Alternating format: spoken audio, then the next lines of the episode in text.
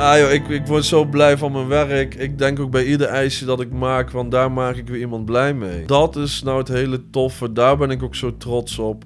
Hè, dat ik als ijsprofessor met een ijsje in mijn hand een gezonde tractatie op de markt breng. Vanuit mijn schuur, ergens in Nijmegen Oost, is dit 0247. Een podcast over bijzonder Nijmegen. Met de makers en doeners uit onze stad die Nijmegen kleur geven. Hoe doen ze het? Waar komt hun passie vandaan? En wat kunnen wij van hen leren? Mijn naam is Joris Vermeel en dit is aflevering 59 van 0247. Vandaag praat ik met Matthijs Maassen, misschien wel de meest bewuste ijsprofessor van Nijmegen. Over hoe hij de overstap maakte van de ING-bank naar zijn eigen duurzame ijsjesmerk, Onwijs Lekker IJs. Over de totstandkoming van Pleuns regenboogijsje. En over zijn optreden bij Dragon's Den, dat niet bepaald vlekkeloos verliep. Kijk, ja, je moet oppassen. Dat hoor ik bij de bank altijd al de waan van de dag. Ja. Waar je zegt, je wordt heel snel opgeslokt door dingen die er eigenlijk soms ook helemaal niet toe doen. Ja, Weet je wel, maar ook werk is, er, is gewoon wel een ding. eh, maar natuurlijk wat je zegt, daar kun je ook heel veel tijd in eh, verliezen. Ondernemers eh, staan eigenlijk wel ehm, ja, altijd aan. Maar ik moet daarin wel zeggen, ehm, ja, als ik kijk naar mijn ideaal en hoe ik daar ook over denk, over het hele, over het hele leven, ehm, ja, ik doe het eh, heel goed. Ja. je, je doet het heel goed als in... Ja, eh, als een, eh, een heel fijn, rijk, rustig leven. ja, precies. Maar het woord rustig vind ik daar wel heel bijzonder. Dat is dus een bewuste keus geweest voor je. Ja, ja inderdaad. Kijk, ehm, eh, bij de bank ook werkte ik fulltime, was fantastisch. Maar op een gegeven moment kreeg ik ook al de mogelijkheid om minder te gaan werken. En dan lees je ook boeken en dan denk je, ja, weet je, werken is leuk. Maar het is wel door ons verzonnen, Ja. weet je, door de mens. Wat voor boeken lees je dan? Ja, kijk, ik hou van filosofie. Eh, bijvoorbeeld eh, vond ik ook De Alchemist, vind ik echt het meest fantastische boek wat ik ken. Paulo Coelho. Ja, weet je wel, van... Het draait maar om één ding in deze wereld. En eh, iedereen spreekt die taal. Alleen heel veel mensen zijn het vergeten... omdat ze met andere dingen bezig zijn die er helemaal niet toe doen. Liefde. Liefde is de baas. Ja, precies. Ja, weet je wel. En Typhoon zegt het ook goed. Lobby de Lobby di Bassi. Bassi, ja. Ja. weet je wel. Dus dat is waar ik voor sta. En dat is ook het enige waar het voor mij om gaat. Mooi. Ja. Terwijl, En ik heb ook liefde voor ijs. Dus dat is natuurlijk ook Ja, het is een mooie, mooie combi. Jij weet Ja. het mooi te combineren. Ja. Mooi. Ja, terwijl als je niet oppast, gaat het, gaat het niet om liefde, maar gaat het om geld. Ja, maar dat is ook in heel veel hoor. Eh, tuurlijk, heel veel dingen gaat ook om geld. Eh, je moet de huur betalen of je hypotheek. Hè, wat je zegt, eh, je moet je zorgverzekering betalen. Hoort er allemaal bij. Ja, dus het is ook wel wat je zegt. Kijk, het is zo'n gecreëerde wereld en je moet ook geld verdienen. Ja. ja, want je hebt ook geld nodig om je liefde te kunnen geven, want anders krijg je daar weer veel te veel stress van. Dus het Ja, heeft ook wel Het, het, het- raakvlakken met Precies, elkaar. het is dus ook wel inderdaad van belang dat het, wat je zegt, er is. Maar ook weer van, wat, wat heb je nu echt nodig? Ja, mooi. Weet je wel, want... Maar dat is altijd de spanning, denk ik. Als je eh, in een corporate leven zit, wat jij in een vorig leven ook zat, gaan we het dadelijk ook nog wel even over hebben. mm, dan eh, wil het nog wel eens zo zijn dat je tak, tak, tak allemaal afspraken achter elkaar hebt en dat je niet de afstand neemt om daar bewust over na te denken. En dat is blijkbaar heb jij dat eh, wel gedaan. Dus ik ben daar, Ja, ben daar gaan we- benieuwd naar. Dat gaan we dadelijk doen. Daar gaan we het ook nog wel over hebben, hoe dat is gekomen. Dat is wel, ja, eigenlijk, ja, dat is wel duidelijk. doen we dadelijk. ja. We gaan beginnen. We waren al begonnen, maar we gaan echt beginnen. Maar ik heb altijd een eerste echte vraag. En dat is natuurlijk de vraag, Matthijs Maassen. Hoe zou jij je aan de mensen die jou nog niet kennen introduceren? Wie is Matthijs Maassen? Ehm, hallo allemaal. ik ben Matthijs. Eh, mijn bedrijf is Onwijs Lekker IJs. En ehm, ik ga door het leven als ijsprofessor. Inmiddels een eh, zes jaar eh, van de 41 dat ik op deze aard eh, ben. Ik heb twee prachtige dochters. een van negen en een van negen maanden. Gewoon samen eh, in Nijmegen met een hele lieve vriendin. Ja, Matthijs is gelukkig en ehm, ja, hoopt dat zo te houden.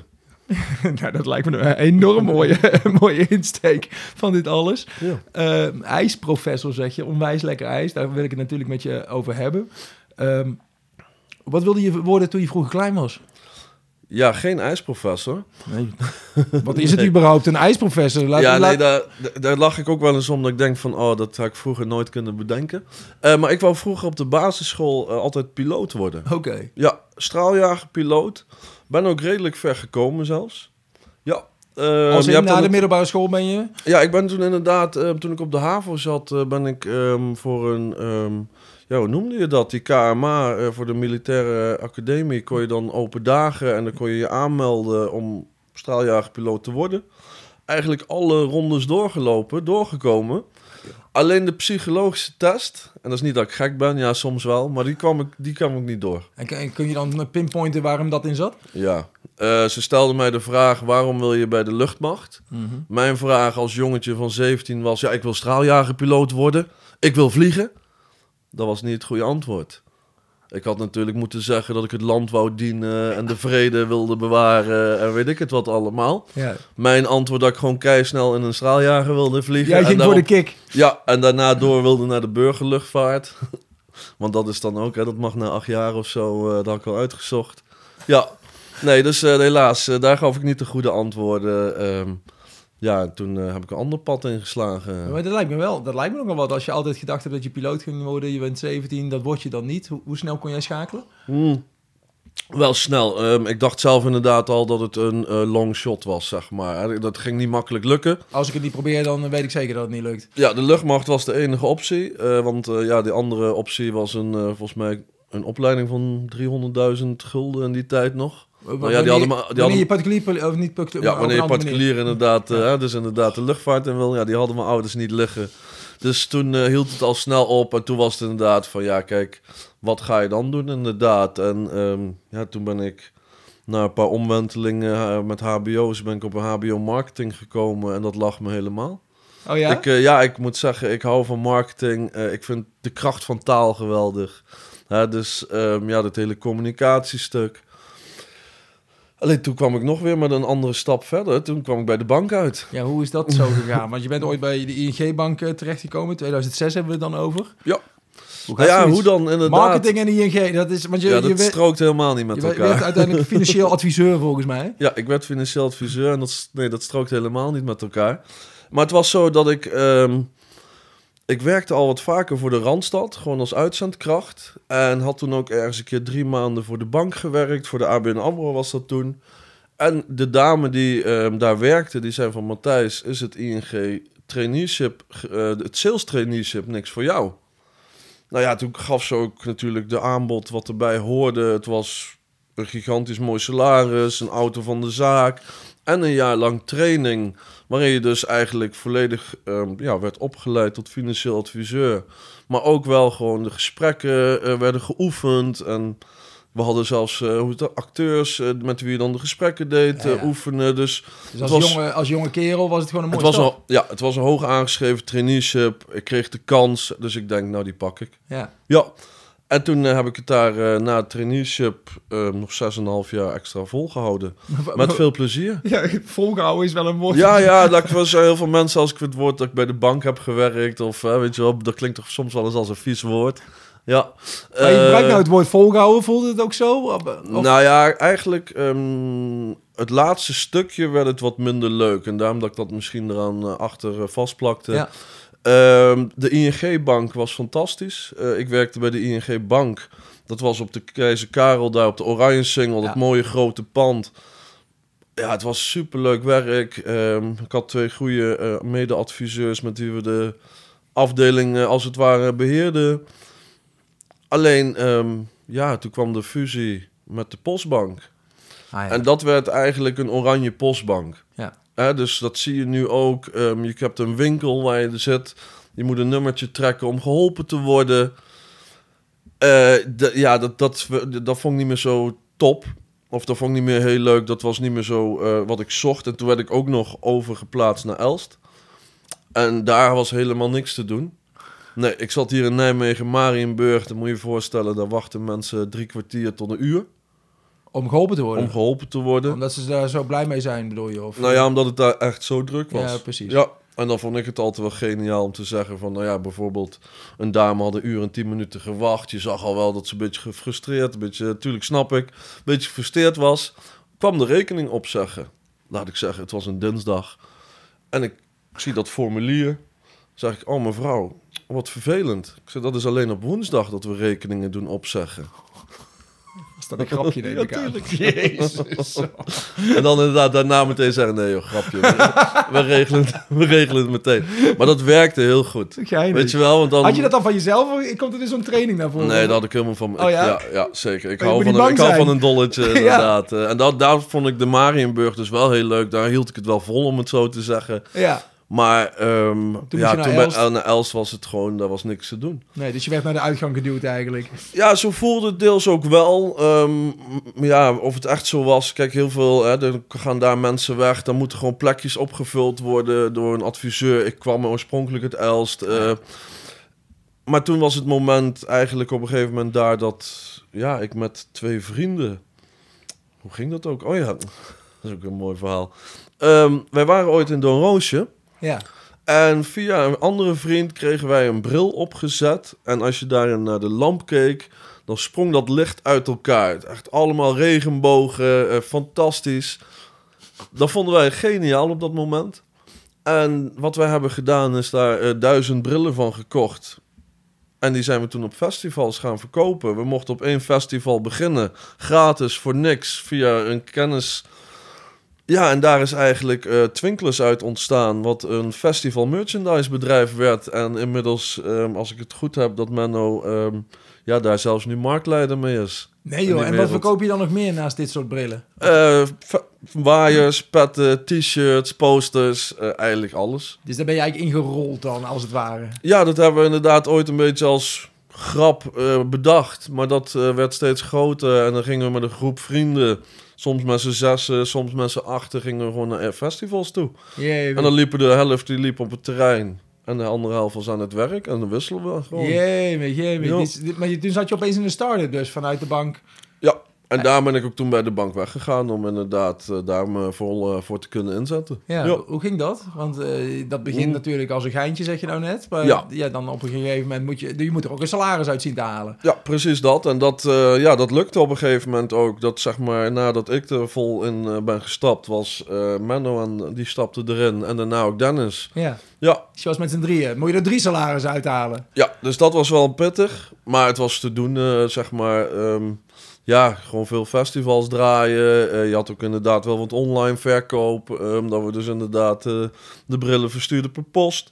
Ja, maar dat eh, lukte. Maar ja, je moet ook wel voorstellen dat je dan flink wat festivals draait hoor. Ja. Ja, en daarin eh, prachtige tijd gehad. Ik hou... Ja, kijk, als je dan denkt over wat is nu waardevol in het leven... eh dat zijn voor mij een paar dingen. Eh, dat is het festivalgevoel. Dat vind ik toch een mooi ding. Wat vind je daar mooi aan?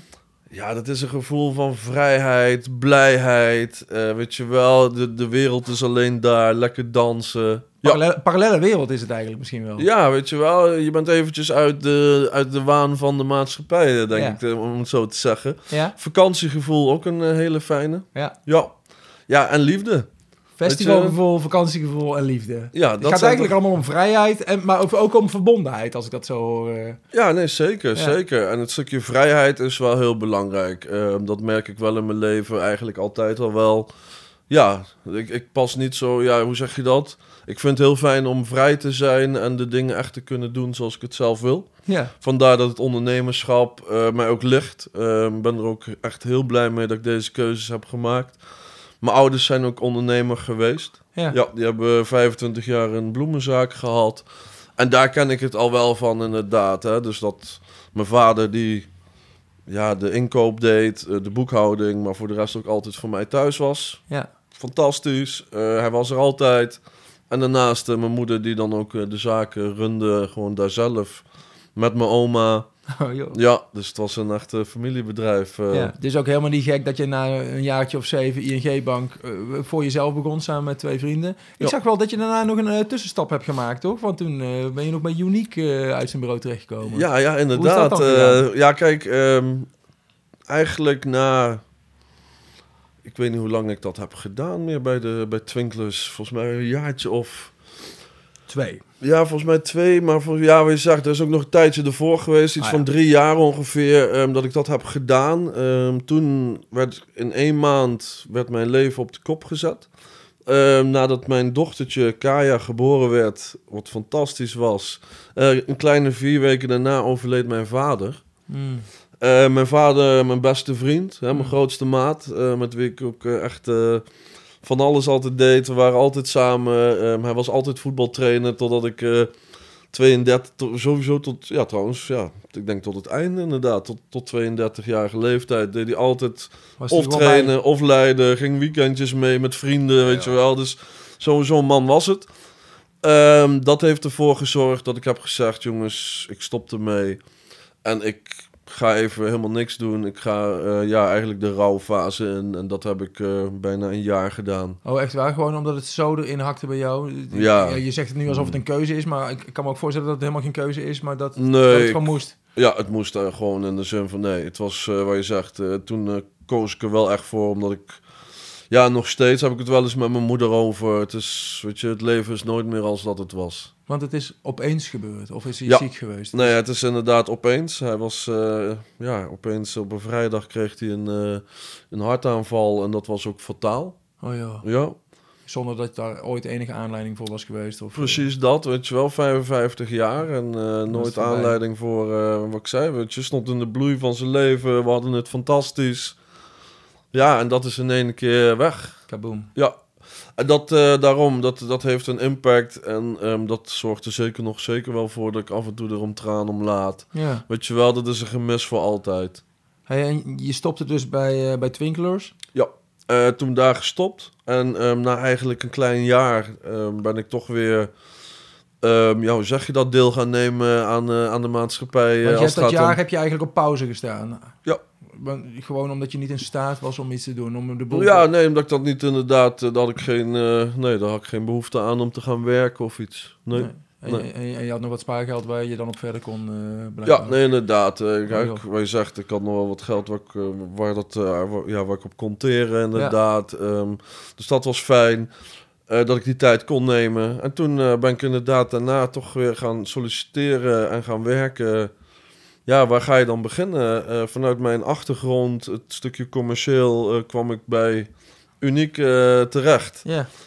Ja, superleuke tijd gehad. Dat wel. Ehm, eh, ja, toen werd ik Key Account Manager. Zo. Mooi term. Ja, dat vond ik altijd leuk, dat soort dingen. Hè. Dus hele mooie termen kunnen ze altijd geven. Eh, maar ik was eigenlijk gewoon inderdaad relatiebeheerder te, bij eh, klanten. Bij Ja. grotere klanten, om het zo te zeggen. Hè, dan had ik bijvoorbeeld UWV of de ABN. Hè, dat waren dan de klanten jongens. die ik beheerde. Ja. ehm, gewoon op eh, lokaal niveau, dat je bij de afdelingen binnenkwam. Ja. Ja, en daar zocht je kandidaten voor, Dus je pakte, voor vacatures. je pakte het leven weer op. Ja, de SVB was er ook bij, dus ik kwam nog wel eens eh, Takelplein. bij Takenhofplein inderdaad. precies. Ja, ja. Hey, want welke rol speelde ijs toen in je leven? Want we gaan er langzaam naartoe. Ja, ja, ijs was gewoon meer eh, alleen als liefhebber dat ik daarmee bezig was. En ehm, wel in die jaren dat ik dus ook bij Uniek werkte. ehm, hè, mijn dochtertje werd natuurlijk wat ouder en ging... Ja, dat ik denk van, ik ben me toen gaan verdiepen in ijs. Maar wacht even, waarom? Want eh, kijk, oh, ja, ik, ben, ik zo zeggen. ja. ik ben ook bezig met ijs, maar dat is vooral met opeten. En, en, en jij, jij Ja. doet er wat meer mee. Ja, ja, wij aten ook heel veel ijs. Alleen, ehm, kijk, ook in natuurlijk een stukje van... eh, mijn vader is jong gestorven, mijn opa ook. Dus ik ben wel al daarin gaan nadenken... oké, wat zou ik kunnen doen... om natuurlijk mijn leven ja, iets langer te laten lopen... dan dat bij mijn vader en opa is geweest. Want opa had ook een hartprobleem? Of, eh? Nee, opa die eh, is aan eh, longkanker overleden. Oké. Ja, dus dat zal met roken te maken hebben, inderdaad. Ehm, dus al dat soort dingetjes, ehm, hè, dat, dat zijn dingetjes, hoe zeg ik dat? Daarin ben ik me gewoon gaan verdiepen van wat zou nou de belangrijke dingen in het leven om ja, gezonder te kunnen leven, om Ja, het zo je te bent zeggen. heel bewust eigenlijk. Ja, je wordt er bewust van en je wordt ook bewust van gemaakt. Dus dat je denkt, oké, ehm, ja, dat zijn dan inmiddels dat ik eigenlijk drie dingen opnoem. Eh, het is inderdaad genoeg bewegen, goed eten en een blije geest. Ja. Ja, Zo makkelijk is het. zo, zo simpel klinkt het, ja. Ja. Maar dat is dus wel een ding van, ja, het eten is bijvoorbeeld een heel belangrijk aspect. Zeker. Hoe ga je daar dan, dan de gezondere keuzes in maken? Ook voor mijn dochtertje Kaya. En daarin kwam toen, ja, ben ik thuis ijsjes gaan maken, net als vele anderen. Om, vanuit de gedachte dat ijs, eh, wa- wa- wat je in de supermarkt koopt, vol met suiker zit, neem ik aan. Ja, wat je zegt, eh, de ijsjes die je dan inderdaad daar koopt, ja, dat is eh, of suiker of wat je zegt, veel water met smaakstof of kleurstof. Ja. Dus nou, ik ben op eh, Pinterest gaan kijken naar wat, wat, eh, wat zijn de ideetjes, recepten. En daarin ben ik eh, met de ijsjes aan de slag gegaan. En eigenlijk, ja, weet je, dan ga je met experimenteren met recepten. En toen werden de ijsjes steeds lekkerder. Maar eh, even, jij gaat nou heel snel, want ik heb ook zo'n setje van de Hema van de Blokker hier staan, waar je zes van die, met zes van die bakjes, daar doe ik dan vanillejoghurt in met een beetje aardbeien en dat is dan ons ijsje. Ja. Jij nam daar geen genoegen mee. Nee, nee, inderdaad. Eh, moet ik ook wel zeggen. Had je ook dat- zo'n setje dan, eh, als in, of had je, heb je daar ook upgrades in? Ja, daar heb je dus een upgrade in. En die heb ik eh toevalligerwijs ooit ook voor kerst gekregen. Oh, leuk. Ja, eh, het is een ijsmaker die je gewoon thuis in de vriezer zet. Eh, er kunnen drie ijsjes in gemaakt worden. Maar als je die eruit haalt, eh, die, dat duurt 24 uur voordat die helemaal koud is. Als je die eruit haalt, dan maak je ijsjes binnen 10 minuten. Ik, ik snap niet wat je zegt, want je, Eh, je hebt een ijs, het ijsmaker is eigenlijk, die- je hebt een blok aluminium. Ja? Er zit een soort koelvloeistof in. Ja. Die zet je dus in de vriezer. Het is eh, 24 uur koelen. En dan haal je hem uit de vriezer en dan kun je hem gewoon gebruiken. Superleuk. Dan kun je achter elkaar kun je ijsjes blijven maken. Ja. Ja. Hij verliest natuurlijk op een gegeven moment wel zijn kou. Ja. Maar eh, de eerste negen ijsjes die zijn eh, binnen 10 minuten tot een kwartiertje klaar. En je kunt dan ook met laagjes gaan spelen. Eh, dan maak je een watermeloen-ijsje met meloensap, kokosmelk en kiwi. Ja. En dan heb je net alsof je een schijfje watermeloen hebt. Het ziet er geniaal uit. En nou ja, ik, ik vind watermeloen toch ook wel echt een van de meest fantastische vruchten. Dus het is net alsof je de zomer op je tong voelt, eh, zeg maar. Dat, ja. Dus weet je wel, dat. En dat zie ik ook aan jou. Daar word je gewoon blij van. Ja. En dat is allemaal een beetje toen gaan rollen in een totaal concept. Dat ik dacht, oké, ik hou van klanten. Hè, dat was wel duidelijk, want Ja. ik heb in de kroeg gewerkt, bij de bank, altijd klantgesprekken gedaan, Ja. eh, ook de festivals. Superleuk. Nou ja, ik noemde ook al het festivalgevoel, wat ik heel belangrijk vind. Dus ja, wat ga ik dan nu doen? Eh, toen kwamen dus die ijsjes. Ik denk, nou ja, dat is natuurlijk ook ideaal. Ehm, ideaal in de zin van, het is een seizoensproduct. Ja. Dus je hoeft niet het hele jaar door keihard te werken. Het is een piek en een dal. Precies. Wat je als een nadeel kan, zou kunnen zien, heb ik ergens. eh, je hebt maar een deel van het jaar waarin je je geld moet maken. Maar het Ja. voordeel daarvan is dat je weet, daarna ga ik weer even rustig aan doen. Precies. Kijk, het is inderdaad van, je hebt een half jaar waarin je het natuurlijk moet verdienen. Moet verdienen. Ja. Maar daarin kun je dan ook weer, eh, dat was ooit een wijs les van mijn vader als ondernemer, wat je niet uitgeeft, hoef je ook niet te verdienen. Ja, Ja, dus Wees leven. simpel leven, inderdaad. Eh, ja, wat je zegt, eh, gewoon wat, eh, ja, wat simpel, wat soberder leven. Ehm, ja, ik vind het belangrijk dat ik op vakantie ga. Maar voor de rest, ja, ik hoef geen, eh, geen schoenen van 400 euro of geen broek. Nee, dat vind ik allemaal... eh, Nee. Nee, lang leven vindt het en dat soort partijen ook tegenwoordig, zeg maar, weet je wel. Dat ben ik echt, daar ben ik dan blij om. Ja, Dat is een, een goed initiatief. Ja. En het zorgt er ook voor dat de kostprijs eh, voor kleding wat lager is. Duidelijk. Je, Ja. je, had het over je, over je eerste ijsjes. Je kreeg een ijsmaker, je ging ijsjes maken. Had je die zelf op samen met Kaya? Of hoe? Ja. Nee, ja, eigenlijk wel. Die, eh, die, ja, het Kaya was mijn proefmonster, eh, om het zo te zeggen. eh, hè, dus dat paste wel bij het hele professorschap. Nou ja, Kaya en ik aten inderdaad de, eerste ijsjes allemaal op. En daarna ga je ze natuurlijk ook laten proeven wel aan anderen. Ja. Maar eigenlijk, wat daarin een heel mooi moment was, wat ik niet zal vergeten, is... Ik had het concept al een beetje bedacht. En toen, ja, dan kom je natuurlijk op... Ja, ruimte, je bedrijfsruimte. Oh, was je al zover, ja? Ja, ja, ja. Want op een gegeven moment, daar zit natuurlijk een stap voor dat je moet besluiten van ik ga ervoor. Ja, nee, is zeker waar. Ehm, dat, dat idee van, hè, ik had er wel, wat ik al zei, een plan op een gegeven moment bedacht. Van, ja, ja, wat ga je dan doen? Hoe ga je dat doen? En dan heb je natuurlijk het stukje bijvoorbeeld... Er zijn een aantal P's die je moet invullen. Ja, je hebt product, prijs, plaats, Promotie. promotie. Ja. ja. Dus dat zijn de dingetjes die je dan mag invullen. En daarin was plaats dus zeker wel een belangrijke. Maar toen was ik ooit op een verjaardag van een, van een vriend, van een kennis. En ik stond met een dame te praten. En ik wist dat zij op de honig zat. eh, de honigfabriek. Wauw, wat een plek was dat. Eh, daar, daar ben ik al een paar keer geweest in die jaren. De industriële locatie die tijdelijk toen gebruikt zou worden voor creatieve eh, hè, ondernemers. Ja, ja, een prachtige creatieve bloed, broedplaats inderdaad. eh, waar volgens mij op de top 130 eh, creatievelingen zaten. van allerlei, hè, wat je zegt, van allerlei disciplines. Ja. Ja. Maar de dame die ik daar sprak, die had er dus een plekje. En ik zit dat zo met haar te bespreken. Van nou ja, weet je wel, een beetje een concept kort uitgelegd. En ik zeg, nou ja, ik zou het heel tof vinden als ik een plekje op de honig zou kunnen krijgen. Ja. Toen keek ze me zo aan. Toen zegt ze, nou, dan heb je geluk. Hier staat de beheerder van de, van de smeltcruise, de honig. Stond Bas er? Of, eh, Bas. ja. Bas die stond naast me. Dus toen ben ik met Bas in gesprek gegaan, inderdaad. En ja, daaruit bleek ook nog eens dat er net op het Food Lab, het stukje voor de voeding, Ja. daar kwam een plekje vrij. Jongen, het moest zo zijn. Het universum. Ja, nou ja, daar kom je dus weer op het hele Paulo Coelho met de Alchemist. Ja. Mijn favoriete boek. Ik geloof daarin. Ja. En op het moment dat je je hart volgt, spant het hele universum zich samen om jou te helpen. Hoeveel later zat jij in de smeltkoers?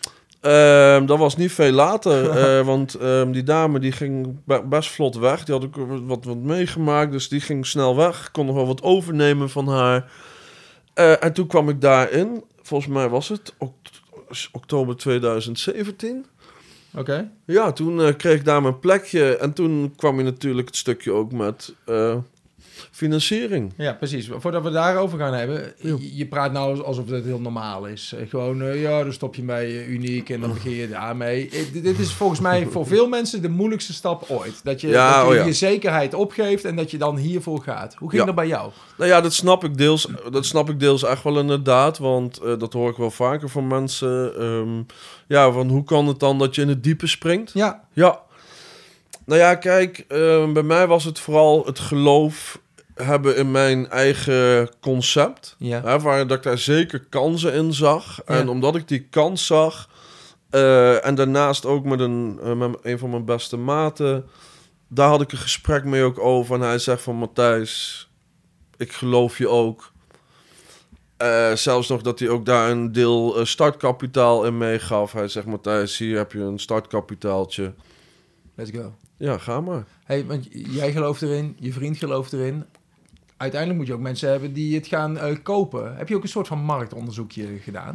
Ehm, Want je kan, eh, direct naar, je kan direct naar consumenten, je kan het ook via retailers doen, je hebt webshopjes. Eh, hoe, hoe heb jij dat? eh nou ja, eigenlijk heb ik daarin geen marktonderzoek gedaan. Oké. Nee, nee, het is echt gewoon in het diepe gesprongen, want ik wist, ijs is een gigantische markt. Oké. Ja, ja, dan moet je echt... gi- gi- gigantische afzetmarkt, maar dat betekent ook dat er heel veel leveranciers zijn natuurlijk. Ja, er zijn inderdaad wel een aantal leveranciers. Ehm, daar had ik wel een beeld van, inderdaad. Hè, wie nou inderdaad, eh, als het ware, mijn conculega's zijn. Hè, daar had ik een beeld van. En daarin collega's, sorry dat ik je interpeer, want dat gaat dus over leveranciers die gezonde ijsjes maken dan.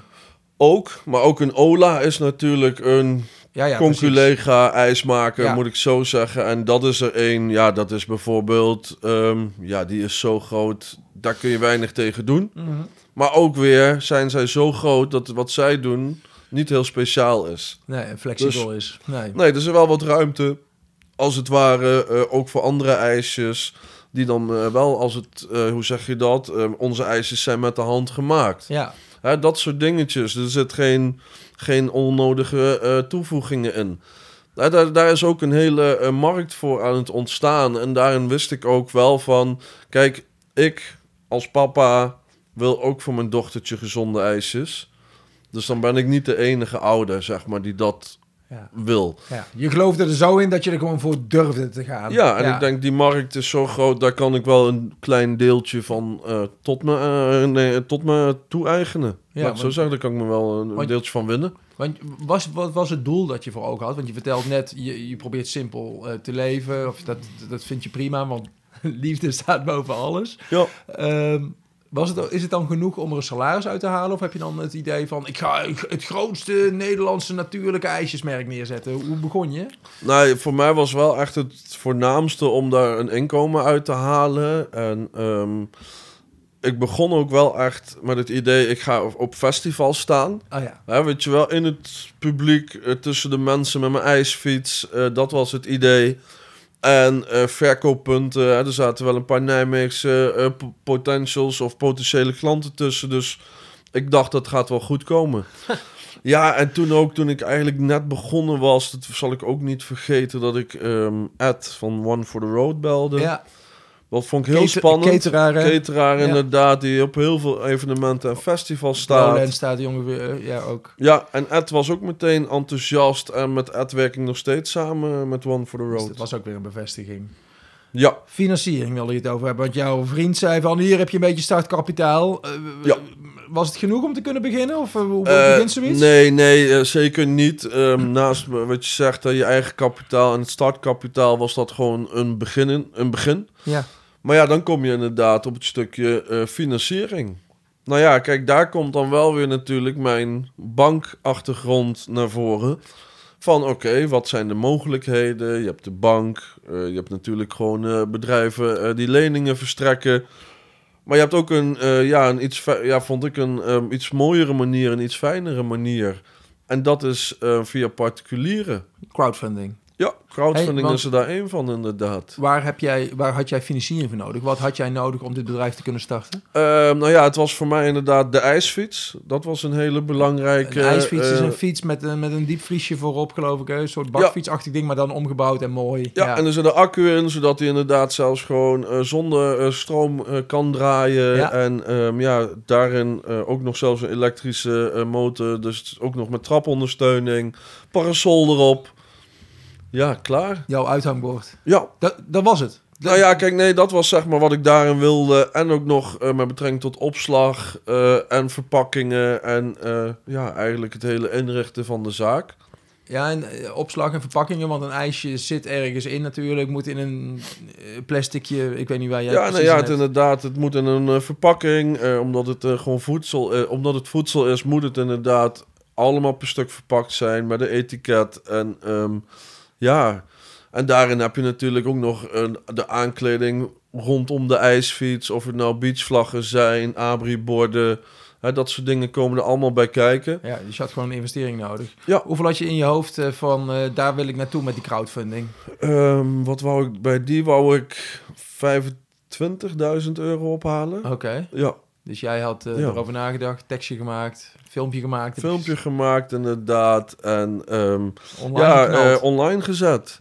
Ja, en daarin eh, is dat ook wel echt heel spannend, want hoe gaan mensen reageren? Kijk, dat was eigenlijk een van de eerste keren dat je echt het grotere publiek ingaat met Ja. je concept, met Ja. je idee. Ja, en? Zo, spannend. Welke datum was dit ongeveer? dus, eh, Ja, dit is 2018 geweest. ja, Ja, wat, je, je wist dat het die dag online zou komen. Ja en je dan... zet de computer aan, je drukt altijd op F5. Ja, wat je zegt. En dan gewoon maar kijken, inderdaad. eh, komt er iets bij? Komt er iets bij? En je ziet natuurlijk inderdaad eh, de percentage van wat je hebt behaald. Ja, Ja, ehm, nou ja, dat was eh, zeker wel een spannende tijd. Maar ik moet ook wel zeggen, ook wel weer heel mooi. Want ehm, de jongen die het filmpje heeft gemaakt, Chris, is een oud collega van de ING. ja. Het filmpje vond ik zelf ook al helemaal geweldig. Ehm, en dan hoor je mijn dochtertje nog op het eind zeggen... Zijn we al klaar? ja Weet je, ja, daar hebben we er ook expres nog in gezet. Personal touch, ja. Ja. want die eh, mocht ook eh, opdraven eh, als actrice voor, voor, de, voor de video. Ehm, ja, heel mooi om dat met Chris samen te doen. En Chris heeft me ook geholpen in het stukje samen met, met hem de marketing opgezet.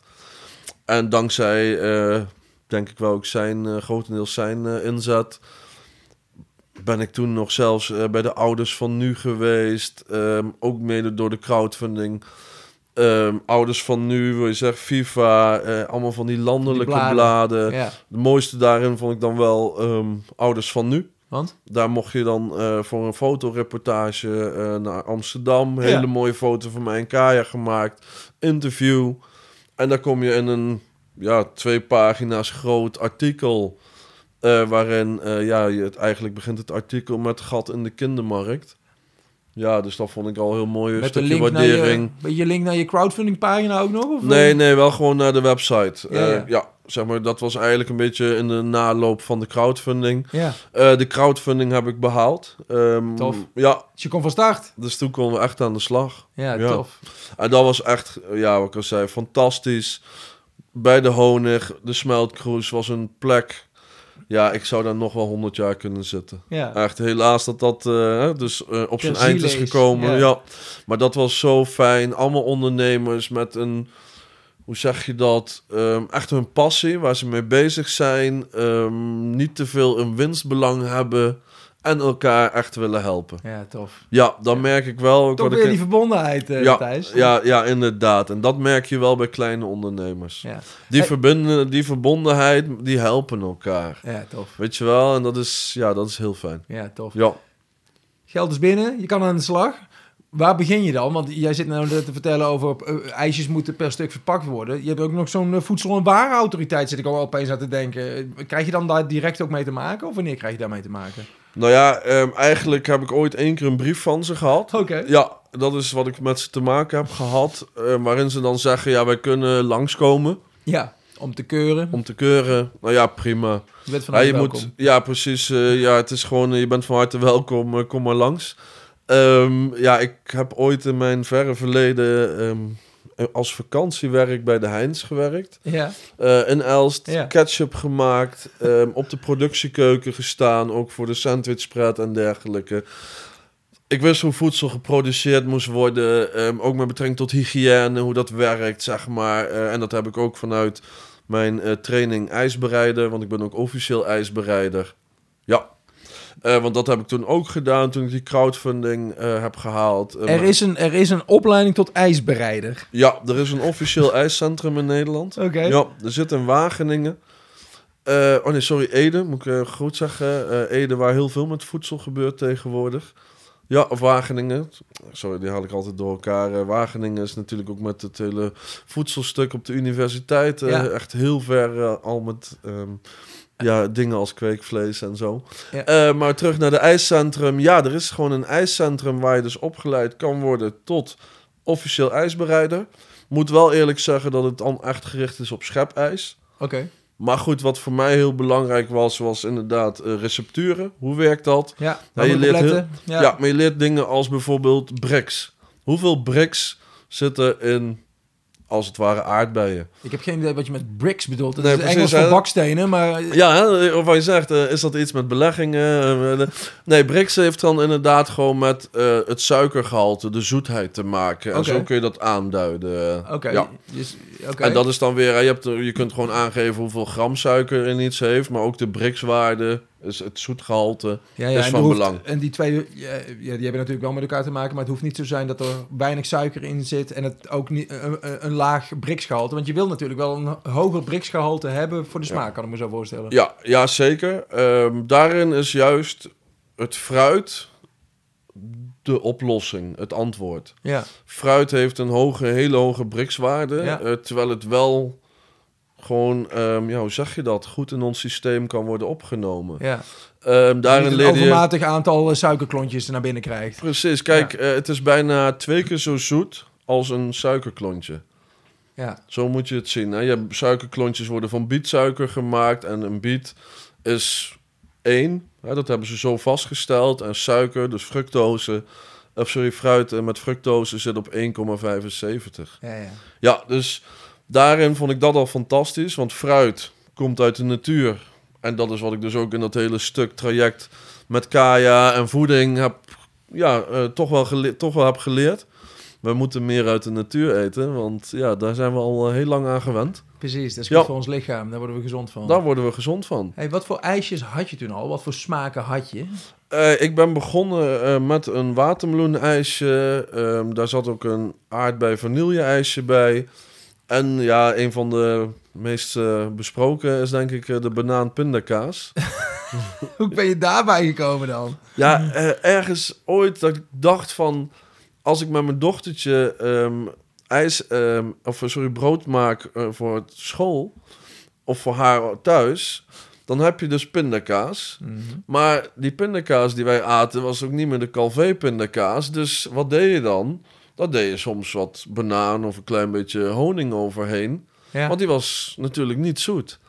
En toen dacht ik in ene keer van, je had ook eh, zeg maar Elvis die dat eh, al deed. Ja. Eh, je zegt het, ik noemde het de Frozen Elvis wel eens.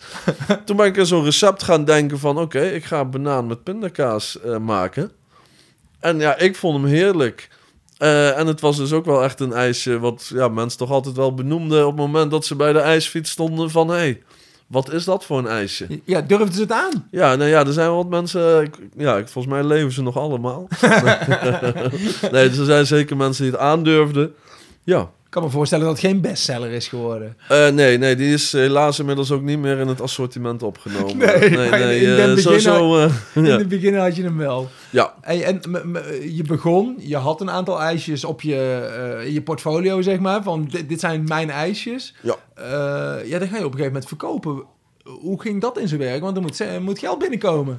nou ja, zeker. En dat is dan inderdaad waarin je eh, bijvoorbeeld hè, met One for the Road al een aantal festivals eh, kreeg. Ja, Ehm, daarnaast ehm, ook al een aantal verkooppunten uit de crowdfunding gekregen. oké. die wisten van, hij gaat ermee beginnen, interessant, kan je niet bij mij komen? Ja, je moet ook voorstellen, ehm, hè, dat heb ik bijvoorbeeld ook. nog steeds krijg ik vanuit Crowdabout Now, de crowdfunding platform, krijg ik nog steeds mailtjes met alle nieuwe crowdfunders. Weet je wel, van lopende campagnes. Ja, ja. Eh, heel interessant om te kijken wat er nog allemaal meer en wat mensen bedacht hebben. Ja, En zo kreeg ik dus al een aantal eh horecagelegenheden die de ijsjes wilden.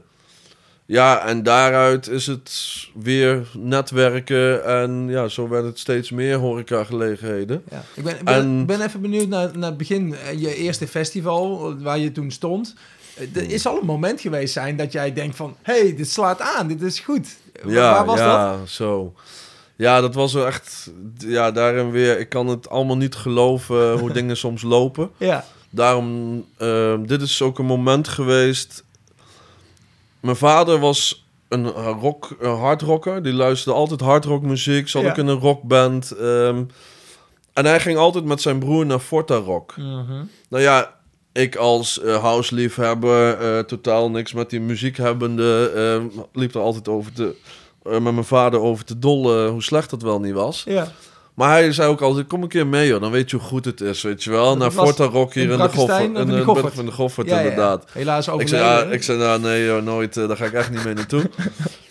Ehm, ja, dat was het eerste festival waar ik ijsjes mocht verkopen. Ja, en dat was ook weer zo'n moment dat ik dan naar boven kijk en ik denk van ja, dit kan geen toeval zijn. nee, ik weet dat je bij me bent. pa. Ja, ja. Ja, dus ik moest daar ook, eh, toen ik rond werd geleid, eh, dat weet ik nog goed, dat was Sjors.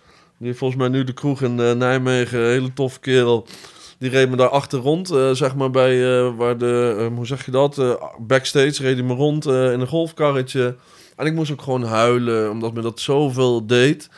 Ja, en daarna daar ijsjes verkopen was fantastisch. Het weer was goed. Mensen vonden de ijsjes lekker. Ehm, de aardbei vanille heeft bijvoorbeeld ook een vanillegeur. Ah, Het ijsje smaakt niet alleen lekker, maar ruikt ook fantastisch. Ja, Dus ehm, aardbei vanille was eh, bij hardrockers een eh, favorietje. ja en watermeloen. Maar Ja. watermeloen is nog steeds wel echt een eh, Die zit nog steeds in het assortiment. Ja, ja, niet meer in het standaard assortiment, maar je kunt hem altijd bestellen. Ja, wat- dat zijn ijsjes die moet je vers eten. Ja, Eh, dat zijn dan ook dingen die ik weer als ijsbereider bij het ijscentrum leerde. Je hebt vrij water ja, en je hebt gebonden water. oké. Gebonden water is niks meer, minder dan, of niks meer dan eh, water met een bindmiddel. En water zonder bindmiddel noemen ze vrij water. Ja. Dat zit in de watermeloen natuurlijk. Heel de naam zegt het al, Ja. water.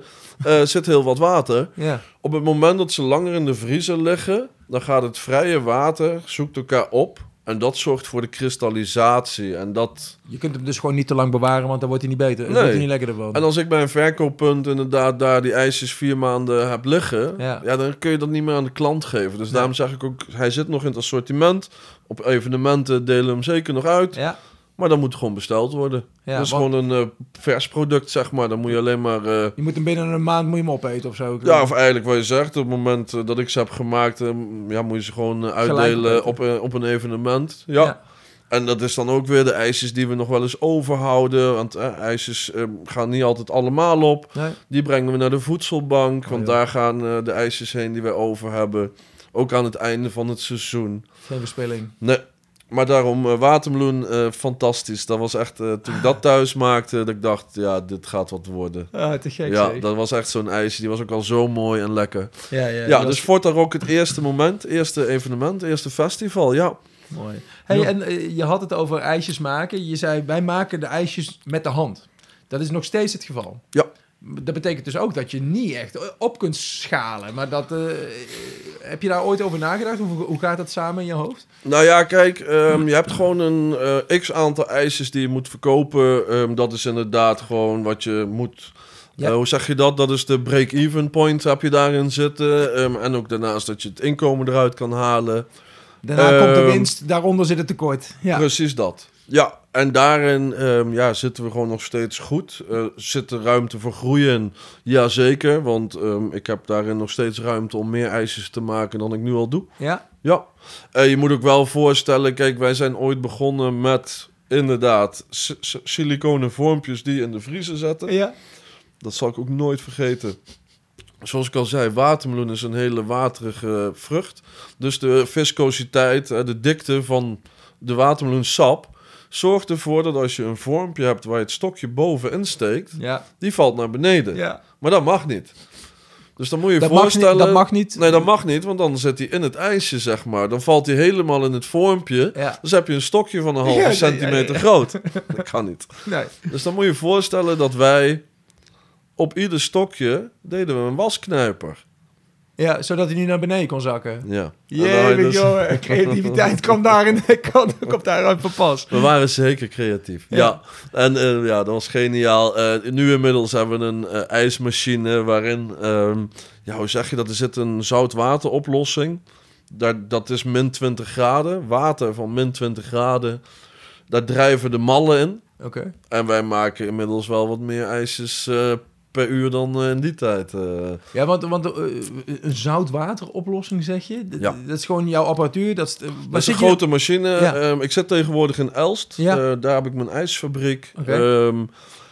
Daar heb ik een eh, productieruimte, een kantoorruimte, een opslagruimte en een inpakruimte. Dus eigenlijk vier delen. Ja, En daar is gewoon een klein ijsfabriekje geworden. Eh. Fantastisch. die zoutwater, die machine, hoe, hoe groot is die? Wat moet ik me daarbij voorstellen? Eh, je moet dan denken aan, ik denk dat die 2,5 meter breed is, Ja. anderhalve meter diep en ja, iets meer dan anderhalve meter hoog. Ja, een Ja. gigantisch ding. Maar, maar, maar Nou ja, wat zeg je nou?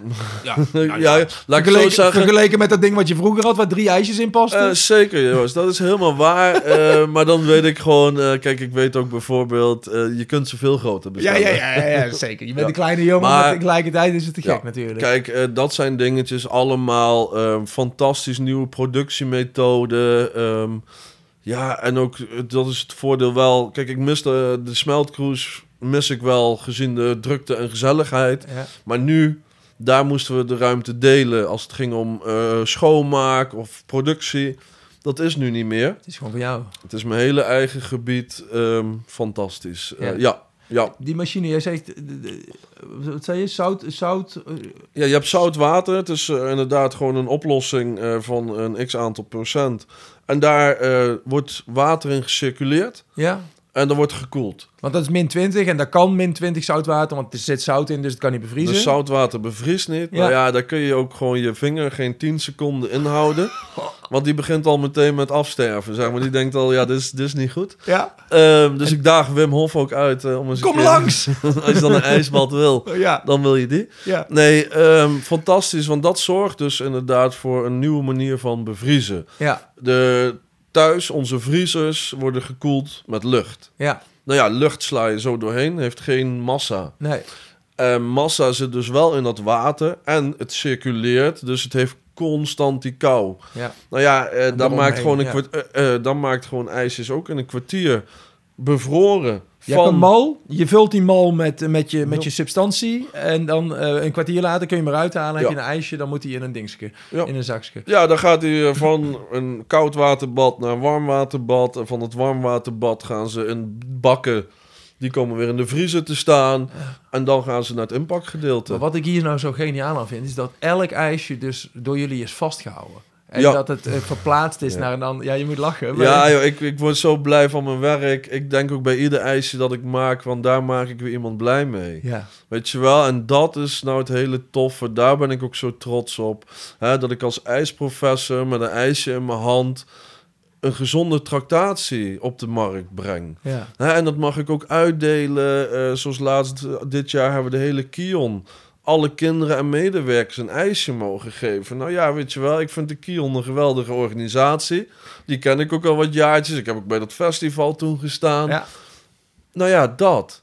Hè, eh, die regenboogijsjes. Je stond bij ons op de sterrendans bij het eh, eindejaarsfeest met je kar. Ja. Ja. maar dat soort plekken allemaal, weet je Enorme wel. En- rijen, Matthijs, dat je niet meer door kunnen werken. Ja, wat je zegt, hè, dat is dan lastig dat ik dat in mijn eentje hè, allemaal nog... ga- Nee, ja, dat is dan ook wel weer, want wij maken alle ijsjes open en die reiken we uit aan de klant. Oh, dat doe je ook nog. Ja, want dat vind ik wel je zegt, weet je wel, van ik kan een verpakking geven zo en dan lopen ze met de verpakking weg. Ik vind het juist mooier, want dan maak ik de verpakking open en dan zeg ik, nou, als u hem bij het stokje pakt, gooi ik de verpakking voor u weg. Hoe is dat ontstaan? Nou ja, ik denk alleen maar na over wat ik al zei. Ik, ik, ehm, ik hou van eh, het gastheerschap. Laat ik het dan nog Ja. mooier zeggen, inderdaad. Want dat heb ik gemerkt ook uit het werken in die kroeg. Ik heb zeven jaar op de, op de Korenmarkt in Arnhem gewerkt. Ehm, ook het stukje bankwezen, waar je dus dan inderdaad de hospitality, het gastheerschap. ehm, ja, dat, dat, daar word ik heel blij van. Maar daar zeg je zoveel mee, want dat gebeurt natuurlijk nergens. En, eh, de- de- dat iemand je ijsdingetje openmaakt. Ja, dat iemand dat voor je doet, dat Ja. gebeurt niet. Dat is dus uniek. Nou, daarnaast zijn ook alle eh, klanten, of sorry, opdrachtgevers heel blij. Want Zooi. ik hou alle verpakkingen bij me. Ja, Weet je, dus dat ook. ja het Dus gek. het is zo'n mooie win-win eh, situatie. En ja, dan sta je inderdaad dus op evenementen en alleen maar met blije kinderen, blije mensen. super. Ja, daarom ben ik heel trots dat ik dit heb mogen ik. bedenken. Even terug naar het ijsjes maken. Er is een Ja. NSC-ijsje, hè? Ja. Ehm, hoe, dat zijn drie kleuren bovenop elkaar. Hoe Ja. gaat het dan in, jouw eh, in, in, in jouw zoutwatermachine? Want dat moet je, moet je drie keer iets vullen of zo. Hoe gaat dat? Ja, ja inderdaad. Eh, eigenlijk heb ik mezelf daarin een techniek aangeleerd, zodat je ze in de ijsmachine kunt vullen, laag voor laag voor laag. Eerst de rood, dan zwart, dan groen. Ja, dus inderdaad, eh, dat was ook een mooi moment om daar te mogen staan op de open dag. Ja. Hè, want daar zie je dus ja, jongetjes of meisjes van een jaartje of 7, 8, 9, 10. Door papa of mama helemaal in een NEC-tenue gestoken natuurlijk. Hè, Nijmegen. En dan trekken ze, of dan hebben ze zo'n ijsje in de hand. Dus ja, nee, die gaan allemaal daarmee op de foto. Van, hé, kijk mij, ik heb een NEC-ijsje. Ja, Ja. heerlijk. Daar, Maar dat vind ik dan ook zo leuk om te doen, weet je wel. Dat is waarom ik ook ijsprofessor ben geworden. Ehm, unieke, bijzondere ijsjes maken die niemand anders maakt. Maar ook daar gewoon lekker dus staan. En dat was dan ook weer wel vanuit ehm, onze stichting Gezond en Gezellig. Ja, Gezond en Gezellig is een initiatief wat ik met ehm, twee andere dames heb opgezet. Vanuit weer de beweging Groen en Gezond. Ja. Ja, wij zijn groen en gezond en in beweging. ehm, dat is vanuit Nijmegen een akkoord, of laat ik het zo zeggen, een, een initiatief om Nijmegen gezonder te maken voor 2027. Oké, en, en, en jullie hebben dat opgepakt met z'n drieën? Ja. Gezond en gezellig opgericht? Gezond en gezellig, met een S inderdaad. Gezond en gezellig, lekker Nijmegen. Nijmegen. Ja, En dan, daar- wat doen jullie dan? En daarmee gaan wij gewoon ehm, naar lokale, of dus een NEC open dag, of ehm, buurtmarkten, wijkfeesten. En dan gaan we met een kraam staan, eh, waarin we dus ook ijsjes verkopen voor echt eh, bonenprijsjes. Eh, we doen beweging, dus vaak vanuit Vasium Circus. Ja. Dat Circus Theater, geweldige partij. En dan staan we daar met de suikerklontjes quiz. En dan kunnen we een beetje mensen vertellen over het belang van beweging en gezonde voeding. Dus je gaat eigenlijk een stap verder dan alleen gezonde ijsjes verkopen en daarmee bewustwording Ja. krijgen. Want dat is een beetje onbewust. Dit is wat meer de bewuste kant. eh. Ja, ja, inderdaad. Kijk, eh, als ik daar in mijn hele leven bekijk, ehm, denk ik altijd al wel van ja, ik, ik moet iets. Ik, ik, ja, weet je, ik, ik kan mensen wel in beweging krijgen. Dat vind ik ook leuk. Het hele, wat ik al zeg, het gastheerschap. En als ik daar dan ook nog iets goeds aan koppel, ja. Ja, dan heb ik voor Matthijs, en voor mezelf, het hoogste doel gehaald wat ik wil. En dat is ook. Dat is ook echt zo inderdaad. Eh, het NSC-ijsje was al fantastisch, maar bijvoorbeeld het regenboogijsje... Ja, dat uh, pleunsregenboogijsje is helemaal ja, het mooiste wat ik heb kunnen bedenken samen Ja, met Pleun. moeten we even vertellen wie Pleun is. Pleun is een meisje, inmiddels een jaar of negen, denk ik. eh, heeft, Ja, en heeft de ziekte van Batten. Spreek ik dat goed uit? Dat is Ja, de ziekte- stofwissel- stofwisselingsziekte. Ja, inderdaad, een eh, zeldzame stofwisselingsziekte, eh CLN3. Ehm, en het is in Nederland zo zeldzaam dat eh, iets meer dan 60 kindjes het hebben. Ja. Nou ja, wat komt er dan? En dan even terug daarin. ehm, nou ja, vanuit mijn eerste crowdfunding ehm, zijn Koos en Evelien, die eh, Meadow hebben in Deventer, een horecabedrijf, prachtig aan de IJssel daar. Ja. Eh, die zijn klant geworden. Eh, die verkochten mijn ijsjes. En Pleun, hun dochtertje, liep daar gewoon rond. Super lief, leuk meisje. bijna even oud als Kaya. Dus ja, heerlijk zo'n klein eh, vrolijk ding te zien altijd.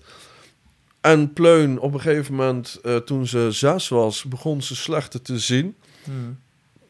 Nou ja, dat is niet normaal als een meisje van zes in één keer slechter gaat zien. Dus ouders zijn gaan onderzoeken en onderzoeken. En na heel lang onderzoek bleek dus dat ze de ziekte van Batten heeft. Ehm, de ziekte van Batten is dus zo zeldzaam dat er ook geen, bijna geen onderzoek naar is gedaan. Dus ook geen behandeling. En wat weten ze dan? Ze zal alleen maar achteruit gaan. En ze zal nooit 21 worden. Want er is geen kind die die ziekte heeft, die die leeftijd heeft gehaald. Nou, ik weet nog donders, ik weet echt nog als de dag van gisteren dat Evelien mij dat vertelde. Maar ja, ik heb met haar daarom eh, alleen maar staan huilen Ja. en dat doe ik nog steeds wel eens. Ja. Want ik vind het zo erg voor, eh, ja, voor Pleun en ook haar ouders. Weet je, ja, eh, zoals ik al zei, ze is bijna net zo oud als Kaya. Ik, ja, stel dat ik dat was. ja. En je had het kunnen zijn ook gewoon. Ja. Precies dat. Ja. Weet je wel, van ik had het kunnen zijn. En ehm, nou ja, dus Dus je, je wilde iets doen. ik wilde iets doen. En toen zat ik nog op de honigfabriek. En ik zeg tegen de ouders, ik zeg van nou, neem Pleun en zusje Bobby mee, Billy mee. En kom naar Nijmegen toe. Dan gaan we een ijsje maken. Nou ja, mijn idee was gewoon voor haar. Hè, ze kon toen nog voor een deel zien. Inmiddels is ze blind geworden al. Ehm, dat zij een ijsje kon tekenen, zoals ik ook bij kinderfeestjes doe. Dan krijgen ze een kleurplaat. En ja, Pleun heeft haar ijsje ontworpen. En dat was een ijsje. Natuurlijk een meisje van zes eh, tekende een regenboogijsje op een stokje. Ja. Met ook haar naam op het stokje geschreven. Oh, wauw. Ja. Nou ja, die heb ik in een eh, workshop met die kleine ijsmaker die ik thuis ook had, heb ik toen al voor haar gemaakt. Om de smaken te proeven. Want welke smaken ging het om?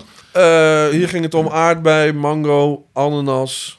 Ja, dus Lekker. de heerlijke, Tropisch eh de heerlijke- ijsie. ja, de heerlijke ijs, de heerlijke fruitsoorten. Ehm, dat is al een deel van, eh, hè, dat was het eerste begin van het ijsje. En toen heb ik eigenlijk voor haar zo- het ijsje gemaakt in mijn eh, machine. Of nog niet eens in mijn machine, gewoon op de oude eerste methode.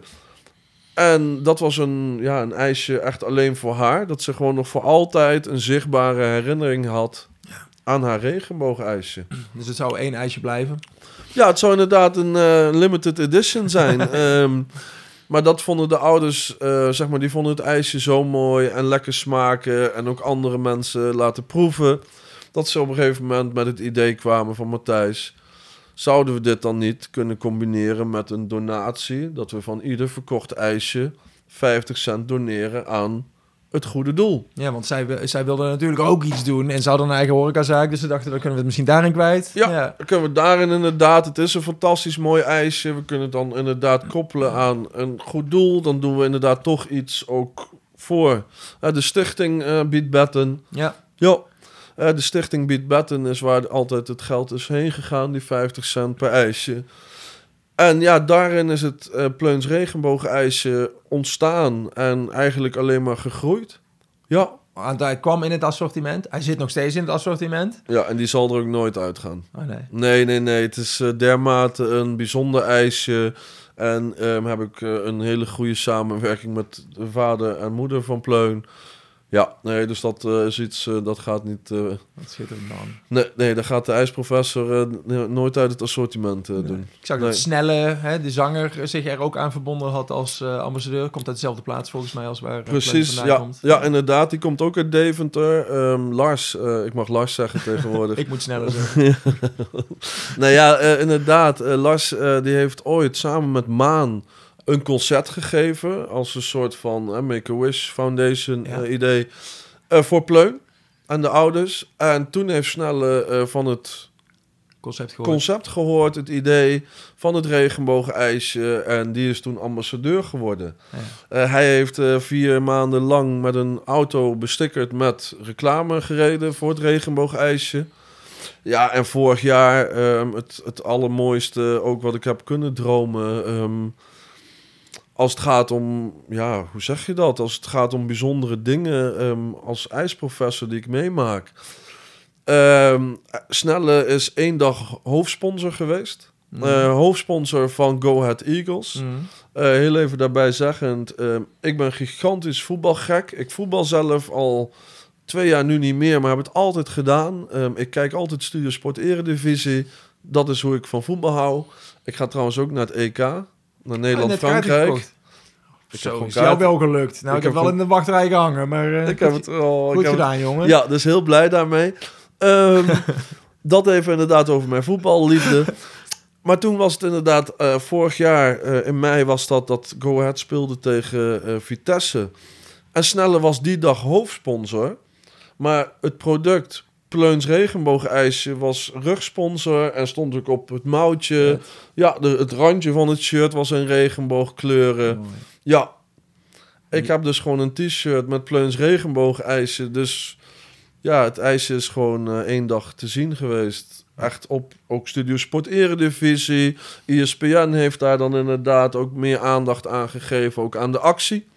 Ja. Dus dan zie je Snelle nog bij ESPN staan met het ijsje in de hand. En op het moment dat Snelle ehm, daar die dag zijn opwachting maakte eh, bij het stadion... Hè, natuurlijk de hele media bij, erbij... En hij kwam echt net daarop. Hij ziet mij staan en hij loopt naar mij toe. Weet je, even kletsen met hem.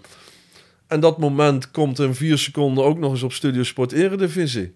Dus Ja. maten die bellen me op. Ik zei, ja, voetballend heb ik het nooit gered. Dat, zat, dat was ik ik zeker heb wel. Studio Sport gehaald. Ik heb Studio Sport wel gehaald. Ja. Ja. Maar dat had je toch niet kunnen bedenken toen je ooit eh, dit begon daar Nee. in je keuken met je watermeloen-ijsje met je dochter. Nee, En nee dit precies zet het, dat. Dit zet het gewoon in Ja, beweging. de- deze jongen die in, op de basisschool nog straaljarige piloot wilde worden, eh, nu als ijsprofessor dit soort dingen meemaakt. Ja.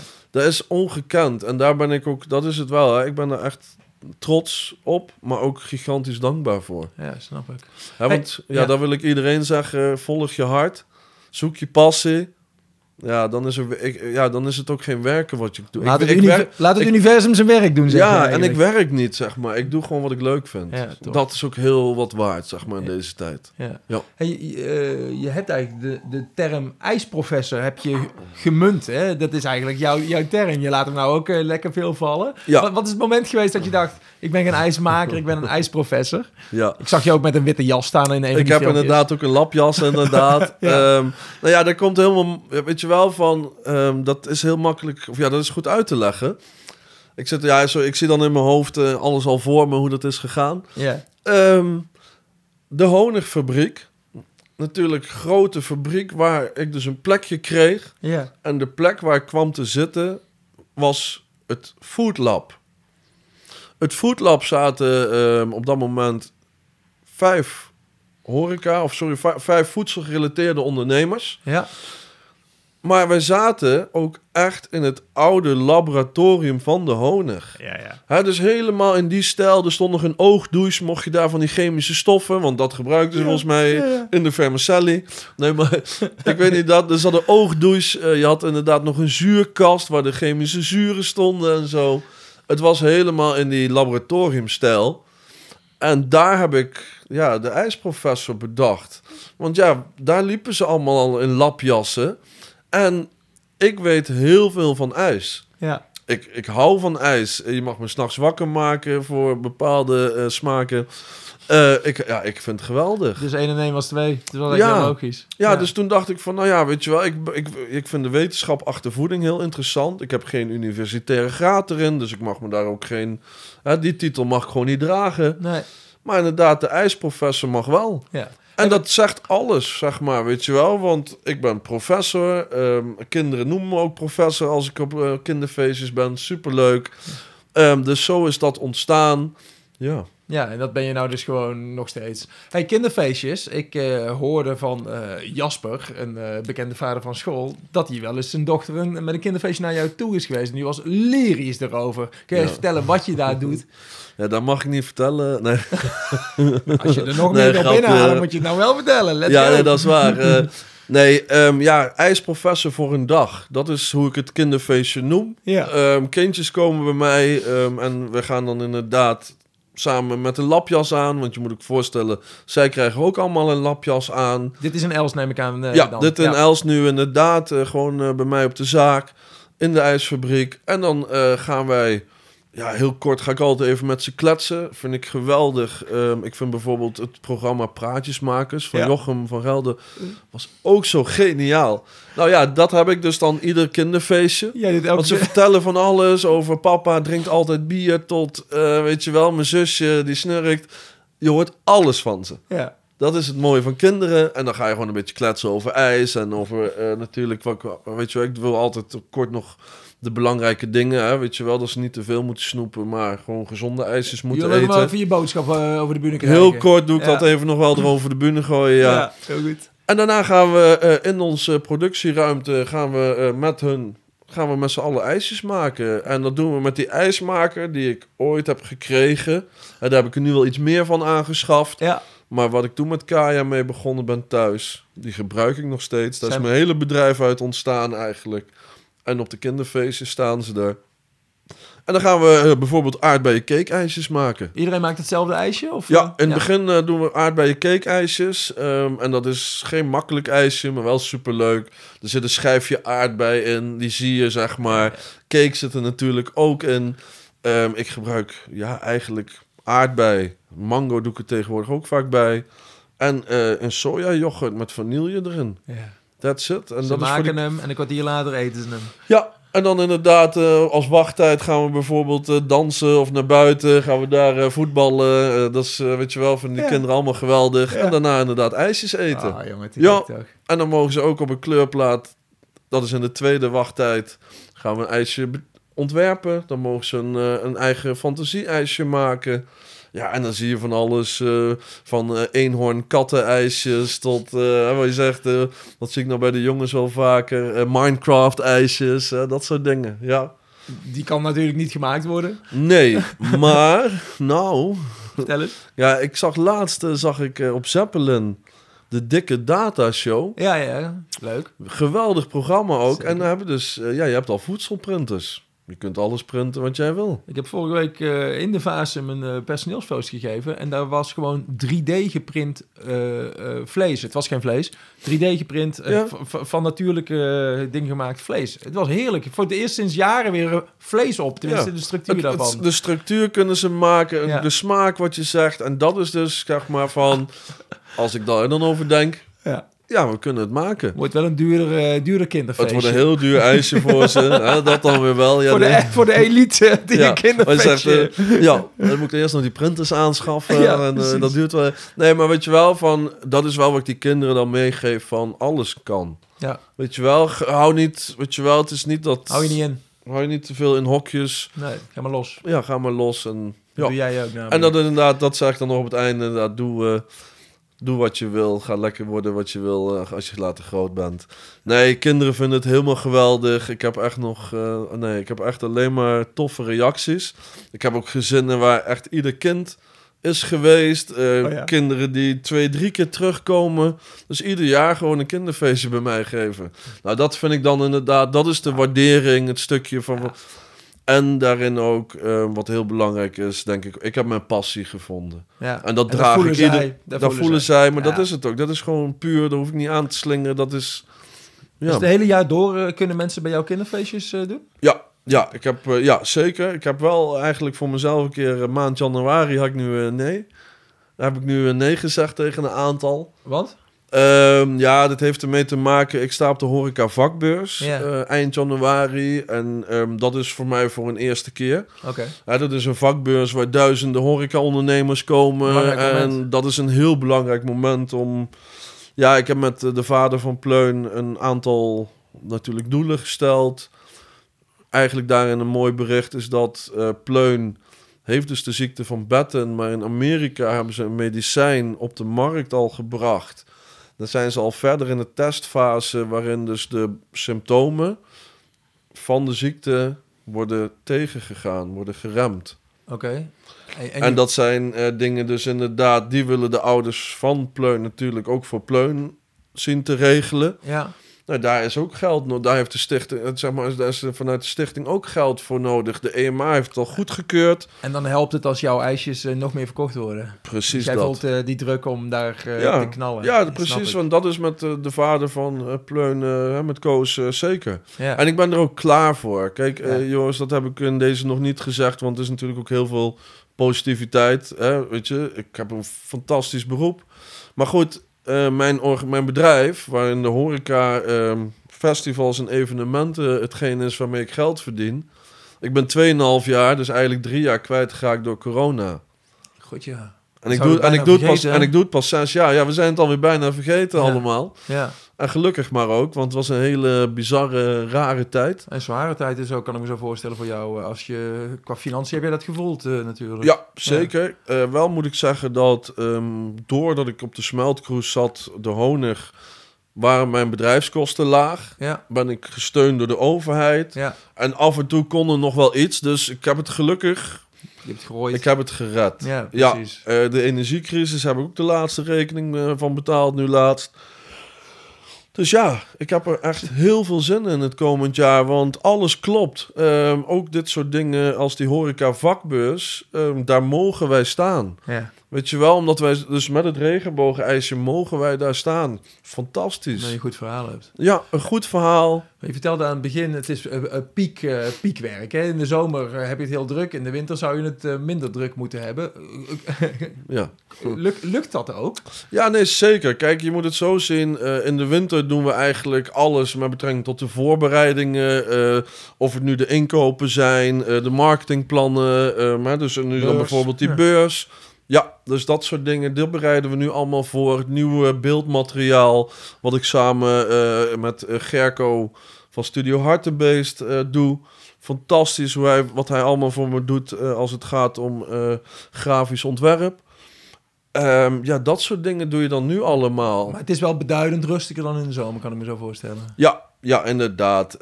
Daarnaast ben ik ook wel weer bezig met het overnemen eh, van een andere ijsbedrijf. En die levert aan de ziekenhuizen en dat is het hele jaar door.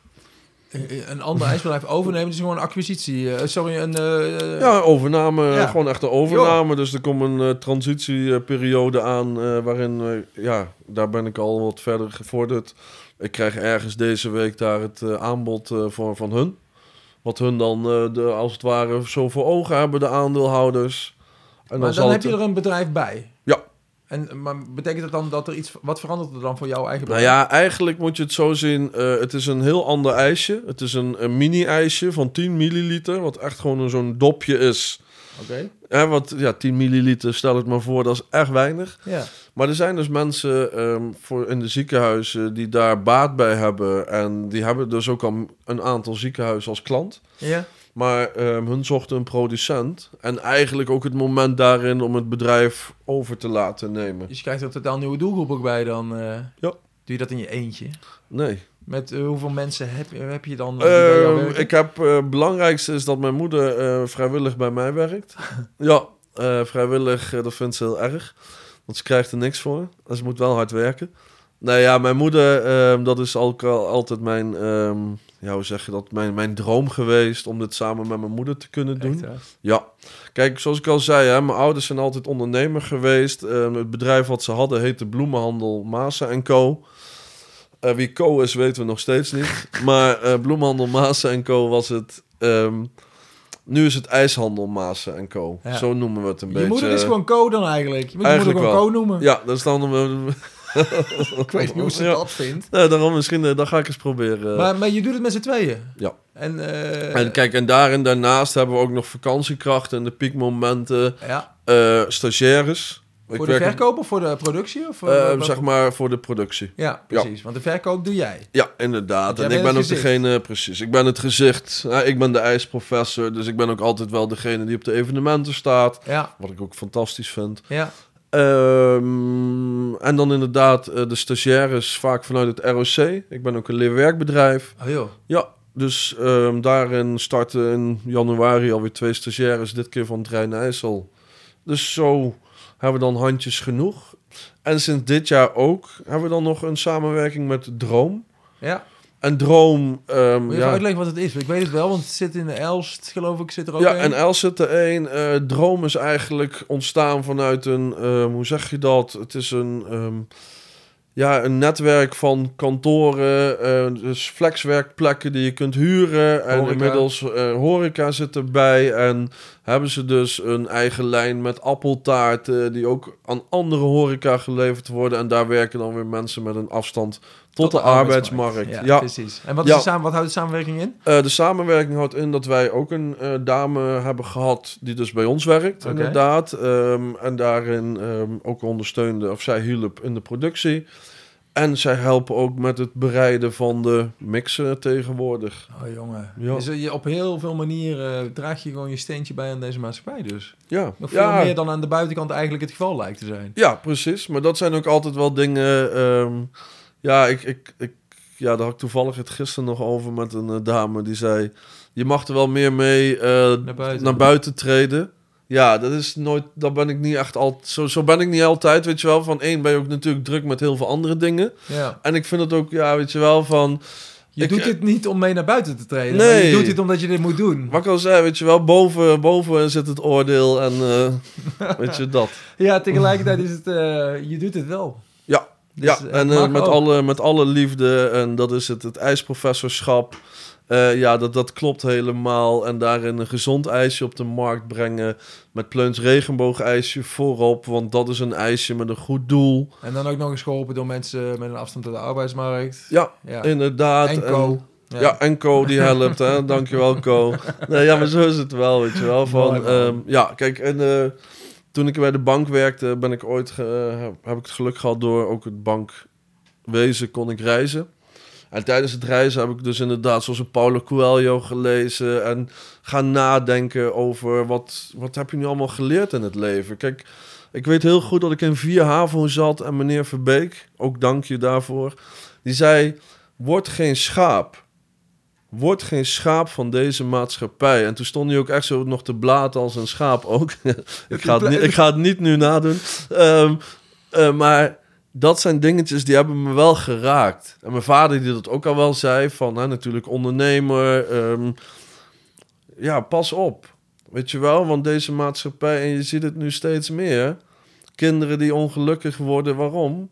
Omdat ze helemaal ge- gek worden gemaakt door die hele kapitalistische grote bedrijven die alleen maar één ding denken. En dat is niet het welzijn van onze kinderen. Nee, zoveel mogelijk schapen geld eh, laten betalen. Mensen makken schapen maken en Ja. dan maar... Kijk, weet je, ik, ik zie dat aan mezelf ook wel eens. Hè? Ehm, ik rij in mijn eigen bus. ehm, maar als ik op de weg rijd, dan zie je allemaal auto's. En je denkt van, oh ja, weet je, dat is ook wel een mooie auto. Weet je wel, van, omdat je dan de hele tijd tussen die auto's rijdt, dat je denkt, nou, dat is... Dus ik snap wel dat mensen een, een mooie auto willen. Maar hoeveel auto's staan er wel niet stil in dit land? Ja. Die staan bij de dealer als occasion. Dat is toch niet nodig, weet je wel? Van, dat is toch een hele bijzondere, rare wereld. ja. Dat, daar kan ik me dan wel eens ja, eh, heerlijk ehm, over nadenken. En denken van, wat kan ik doen inderdaad om een bijdrage te leveren aan een andere wereld? Ehm, ja, dat is dit. Dat is het ijsprofessorschap waarin ik op een leuke manier eh, gezonde ijsjes op de markt breng. Nou ja, daar komen dus dingen uit voort als wij zegt een, een rapper Snelle die zich daar eh, ook aan eh, voor inzet als het ware. Nooit verwacht. Ehm, Nee. kom ik met Dragon's Den.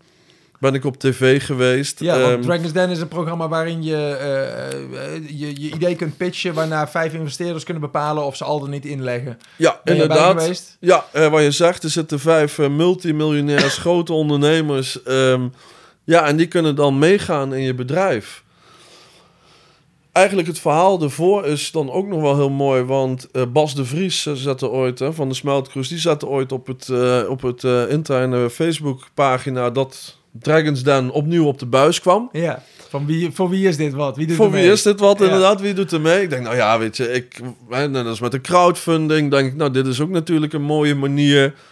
Eh, het kwam op NPO. Ja. Dus toen dacht ik, nou, dat vind ik wel goed, hè, want NPO, eh, dat, dat, eh, ja, daar, daar sta ik nog wel achter.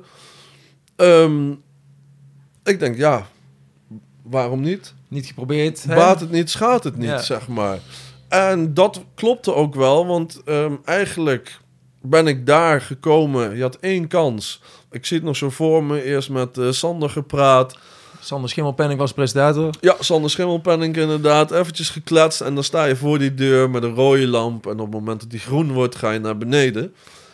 Ik loop naar beneden en ja, ik was al zo zenuwachtig. Je De spanning. pitch, pitch voorbereid. hè? pitch Je- voorbereid, geoefend. Ook met andere ondernemers van de Smeltcruise dan als publiek. En ik loop naar beneden. Mijn ijsfiets stond al anders dan dat hij normaal... dat ik voor mijn ogen had. Weet je, die hadden ze anders neergezet... omdat het toch beter was. En ik had vijf van die camera's op me gericht... en je staat in tien van die grote lampen... En dan zitten die multimiljonairs je aan te kijken. En je weet, nu moet het gebeuren. Ja.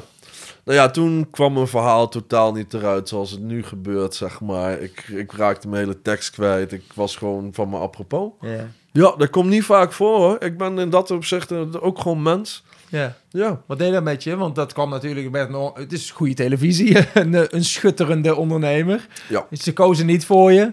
Eh, wat wat deed dat met je? Ehm, nou ja, ik kon al... Kijk, dat heb ik ook wel eh, van mijn vader echt geleerd. Het relativeren. Ja. Ehm, Kon je dat gelijk al? Van, ja, dit ja ook is... in dit soort dingen. Kijk, eh, balen, kak. Ja. Maar dan ga je het wat meer laten landen. En ook ondertussen had je al wel wat dingen gelezen. En ehm, ja, dat zijn ondernemers die soms 14 uur, 16 uur op een dag werken. Hmm. Nou, dat was al nooit de ondernemer die ik wilde worden. Ah, je bedoelt... Eh, precies. Dat verwachten ze dan ook van iemand in wie ze investeren. Kijk, als ze dus gaan investeren, dan gaan ze heel veel van je verwachten. Ja. En daarin is het dus heel fijn dat ik nog steeds kapitein op mijn eigen schip ben gebleven. Ehm, is dat heerlijk? En heeft het weer zo moeten zijn? Weet je wel, ik ben op tv geweest. eh, weet je, nog geen, eh, dat weet ik nog goed, een paar dagen daarna kom ik bij de IKEA. Ja. En er was iemand eh, die daar de, de weg, de, zeg maar, de, de, het verkeer leidde. Ja. verkeersbegeleider. En die zegt, hey, ik heb jou gezien. dus weet je wel, en nog steeds hoor, ook laatst. Eh, ik was in de stad, eh, eh, was ergens bij de Biep geweest. Komt een jongetje van 13, echt waar, die is 13 jaar. En die zegt op een gegeven moment: Meneer, mag ik even uw telefoon lenen? Want ik had met mijn moeder afgesproken bij een fietsenrek. Maar dit was toch niet het goede fietsenrek? Ik zei: Ja, tuurlijk, jongen, weet je, bel maar, geen probleem. En nadat hij mij de telefoon teruggaf, zegt hij: Ken ik u niet ergens van? Heeft u toevallig meegedaan aan Dragons Den? Nee, joh. Ja, echt waar. Dus na zoveel jaar nog en dan een jongetje van die leeftijd dan daarmee komt. Maar tegelijkertijd, Matthijs, als je dat terugkijkt, dat filmpje, dan moet jij ook denken, poh, daar kom ik niet helemaal lekker uit. En dat had ik kijk- toch liever anders gezien. Ik kijk het ook niet terug. Nee, precies. Maar, eh, maar dat heb ik gewoon je toch- weggestopt. eh. maar toch denk je van, het is gebeurd, ik kan er nou niks meer aan doen, het is oké. Ja. En het heeft er ook voor gezorgd dat ik niet met, door een investeerder aangehaakt ben die andere dingen Ik- van me verwachtte dan ik, van, dan ik zou willen. Nee, ja, kijk, het is vooral dan inderdaad wat jij ook zegt van... ehm, dat, dat klopt. Ehm, ik, het is gebeurd. Ik kan er niks aan veranderen. Het is wat het is. Ja, En daardoor zit je nou op de bank de eigen kapitein eh, op het schip eh, nog te zijn. Ja. ja. en dat is dus wel weer wat je zegt. Je moet het dan gewoon voor jezelf relativeren, positief maken. Ehm, het is goed zo. Goed zo. Ja, Waar sta jou? oh, ja, maar je wil nog wat zeggen. Nou ja, inderdaad. Het was eh, prachtige tv. Dat wel, inderdaad. ja, ik denk dat 2 miljoen mensen het minimaal gezien hebben. Ja. Dus daarin, ehm, ja, was dat heel goed. Marketing technisch. Want daar kom ik toch oorspronkelijk hè, met mijn studie vandaan. Daar kun je niet inkopen. Dat is net als met snelle bijvoorbeeld. Dat is, dit, je, dit is gewoon puur organisch. Het is eerlijk. ja. Dat is niet, zeg maar, daar kun je geen marketingbureau op zetten. Maar het is wel de echte, ja, de mooie waarheid. ja. Wat, zi- wat zijn je plannen nog? Want je bent nu zes jaar ijsprofessor, waarvan dus twee jaar eh, ook nog in coronatijd. Ja. We nou een paar jaar in de tijd springen, wat, wat is er dan anders aan je bedrijf? En wat is er hetzelfde aan je bedrijf? Nou ja, wat er dan anders is, is inderdaad eh, een grotere afzet. Eh, daar zijn we gewoon klaar voor. eh, met gewoon een x aantal vaste verkooppunten. Met, weet je wel, waarin je gewoon ehm, ja, een jarenlange ehm, samenwerking mee aangaat. Hè? Net als een Meadow, een veerkwartier in Haarlem. En zo kan ik er nog wel een aantal zijn dat? opnoemen. Ehm, dat zijn horecagelegenheden. Ja, Ja, die ja, op prachtige plekjes liggen. Eh, er zijn zelfs stadstranden.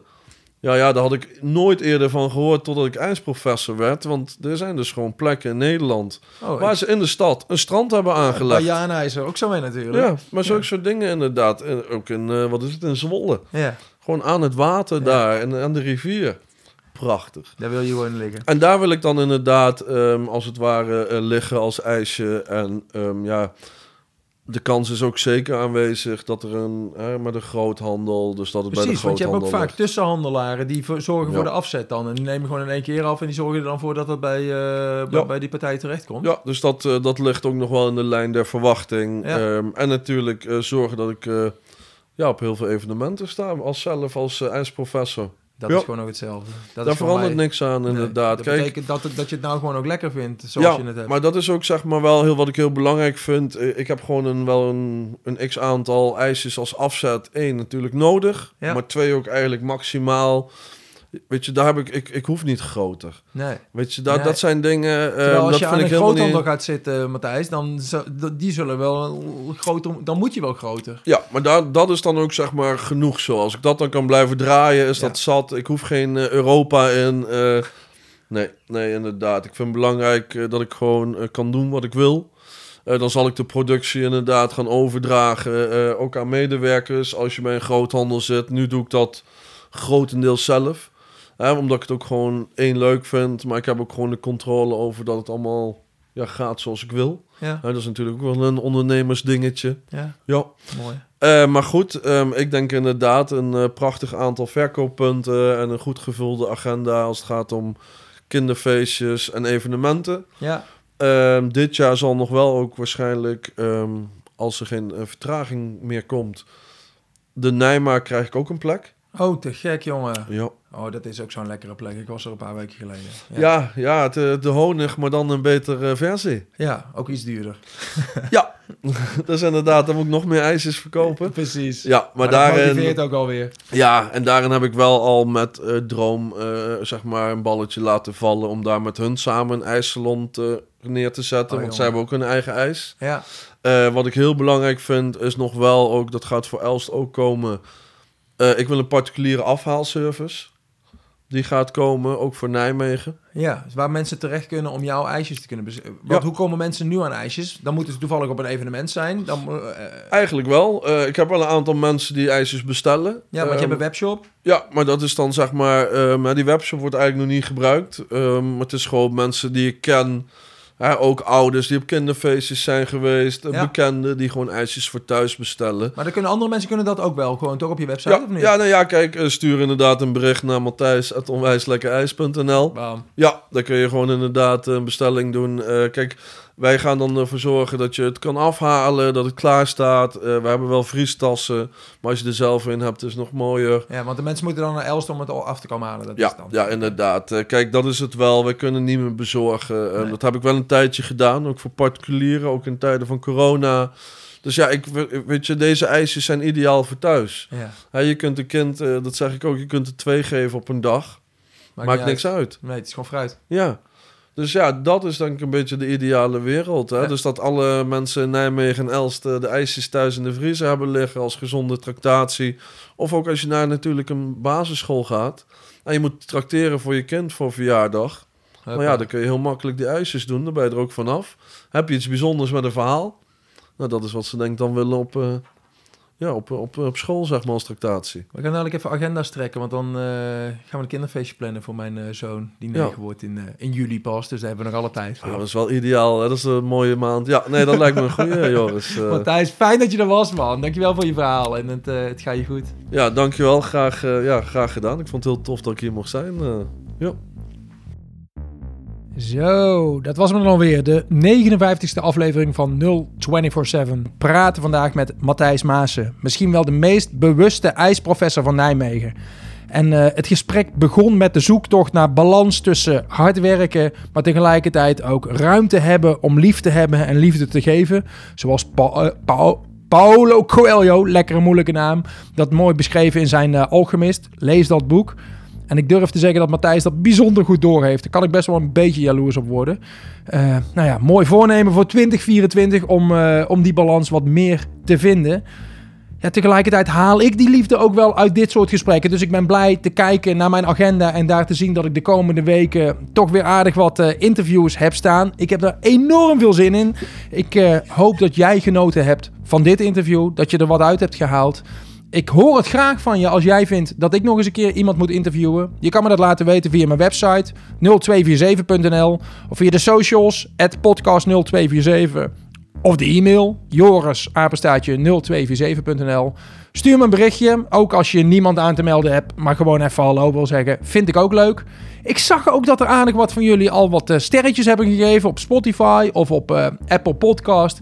Word ik hartstikke blij van, beste mensen. En het helpt andere mensen ook om deze podcast te vinden.